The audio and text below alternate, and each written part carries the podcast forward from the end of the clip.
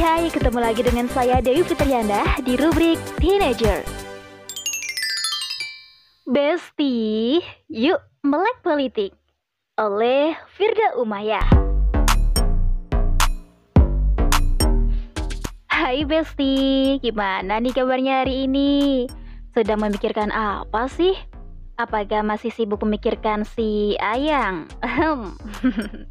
Ataukah memikirkan cara glowing in the dark? Wah, apakah kamu tahu nih Besti, kerusuhan saat pesta Halloween di Itaewon? Apakah kamu tahu ada isu terorisme yang sedang menyudutkan Islam di bumi pertiwi? Hmm, kira-kira mana sih di antara masalah tersebut yang penting bagi kamu? Kalau kamu pilih masalah si sayang atau si glowing ya, itu artinya kamu egois, Besti. Huh, kenapa? Ya, karena kamu hanya memikirkan diri kamu sendiri.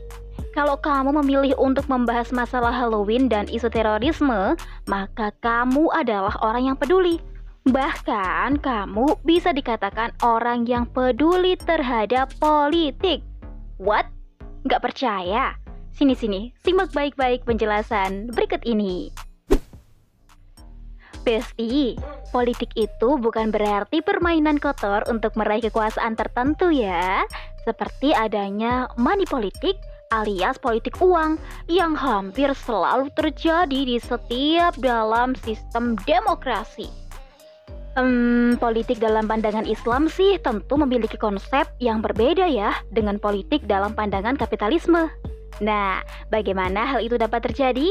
Oke, perlu dipahami nih, Besti, bahwa kapitalisme adalah suatu pandangan hidup atau ideologi yang memiliki prinsip bahwa pemilik modal, baik perorangan maupun sekelompok orang dalam masyarakat, bisa mewujudkan kesejahteraan manusia.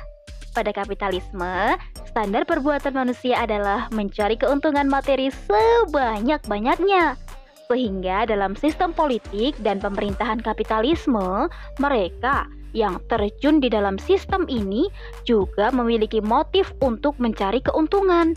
Terlebih lagi nih, kebahagiaan dalam kapitalisme adalah ketika seseorang mendapatkan materi sesuai dengan apa yang diinginkan. Maka tak heran nih ketika para pemimpin itu menjabat, mereka melakukan tindakan korupsi atau pelanggaran hukum lainnya. Duh, astagfirullahaladzim deh. Sedangkan nih dalam pandangan Islam di mana akidah Islam menjadi landasan berpikirnya, politik memiliki makna yang berbeda. Lah, gak bisa? Iya dong. Politik dalam Islam disebut siasah yaitu upaya untuk mengurusi urusan rakyat atau riayah seunil ummah. Hal ini berdasarkan hadis Rasulullah Shallallahu Alaihi Wasallam yang artinya, dulu Bani Israel dipimpin atau diurus oleh para nabi. Setiap ada seorang nabi yang meninggal, maka akan digantikan oleh nabi yang lain.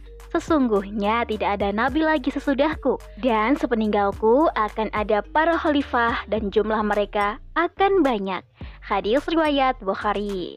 Nah, Besti, masih dalam hadis lain dengan periwayat yang sama yaitu yang diriwayatkan oleh Imam Bukhari dijelaskan bahwa Rasulullah Shallallahu alaihi wasallam bersabda, Seseorang yang ditetapkan Allah untuk pengurus kepentingan umat tetapi tidak memberikan nasihat kepada mereka, maka tidak akan mencium bau surga. Waduh, waduh, parah banget gak sih Besti? Nah, dalam Al-Quran juga terdapat ayat-ayat yang mengandung makna kepengurusan terhadap rakyat atau masyarakat.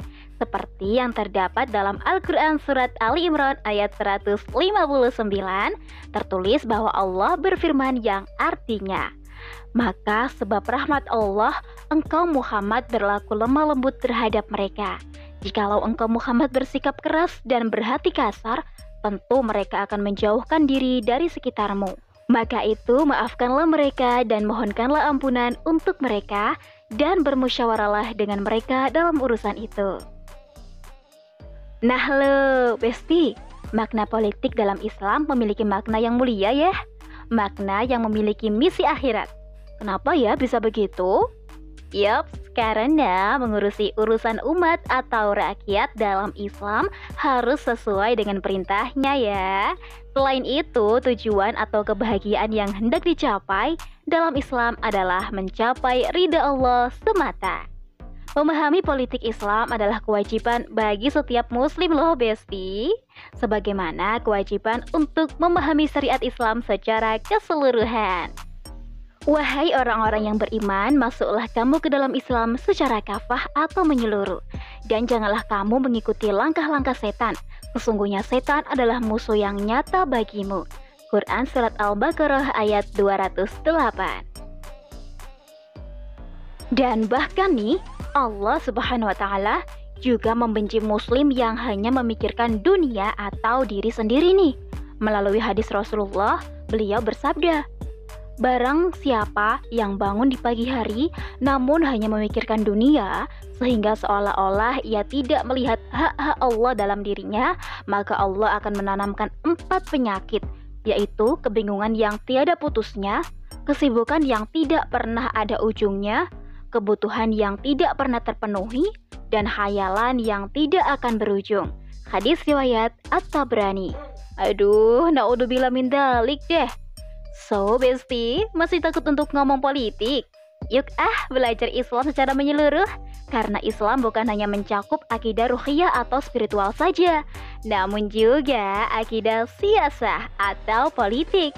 Islam adalah sebuah pandangan hidup yang utuh atau ideologi yang mengatur seluruh urusan kehidupan, mulai dari aspek politik, ekonomi, sosial, pemerintahan, hukum, pendidikan, dan lain sebagainya. Wow, Masya Allah banget kan ya? Oke deh, mungkin itu saja ya Besti perbincangan kita kali ini. Sampai jumpa di episode selanjutnya. Bye-bye, saya Devi Fitriana, dan sampai jumpa.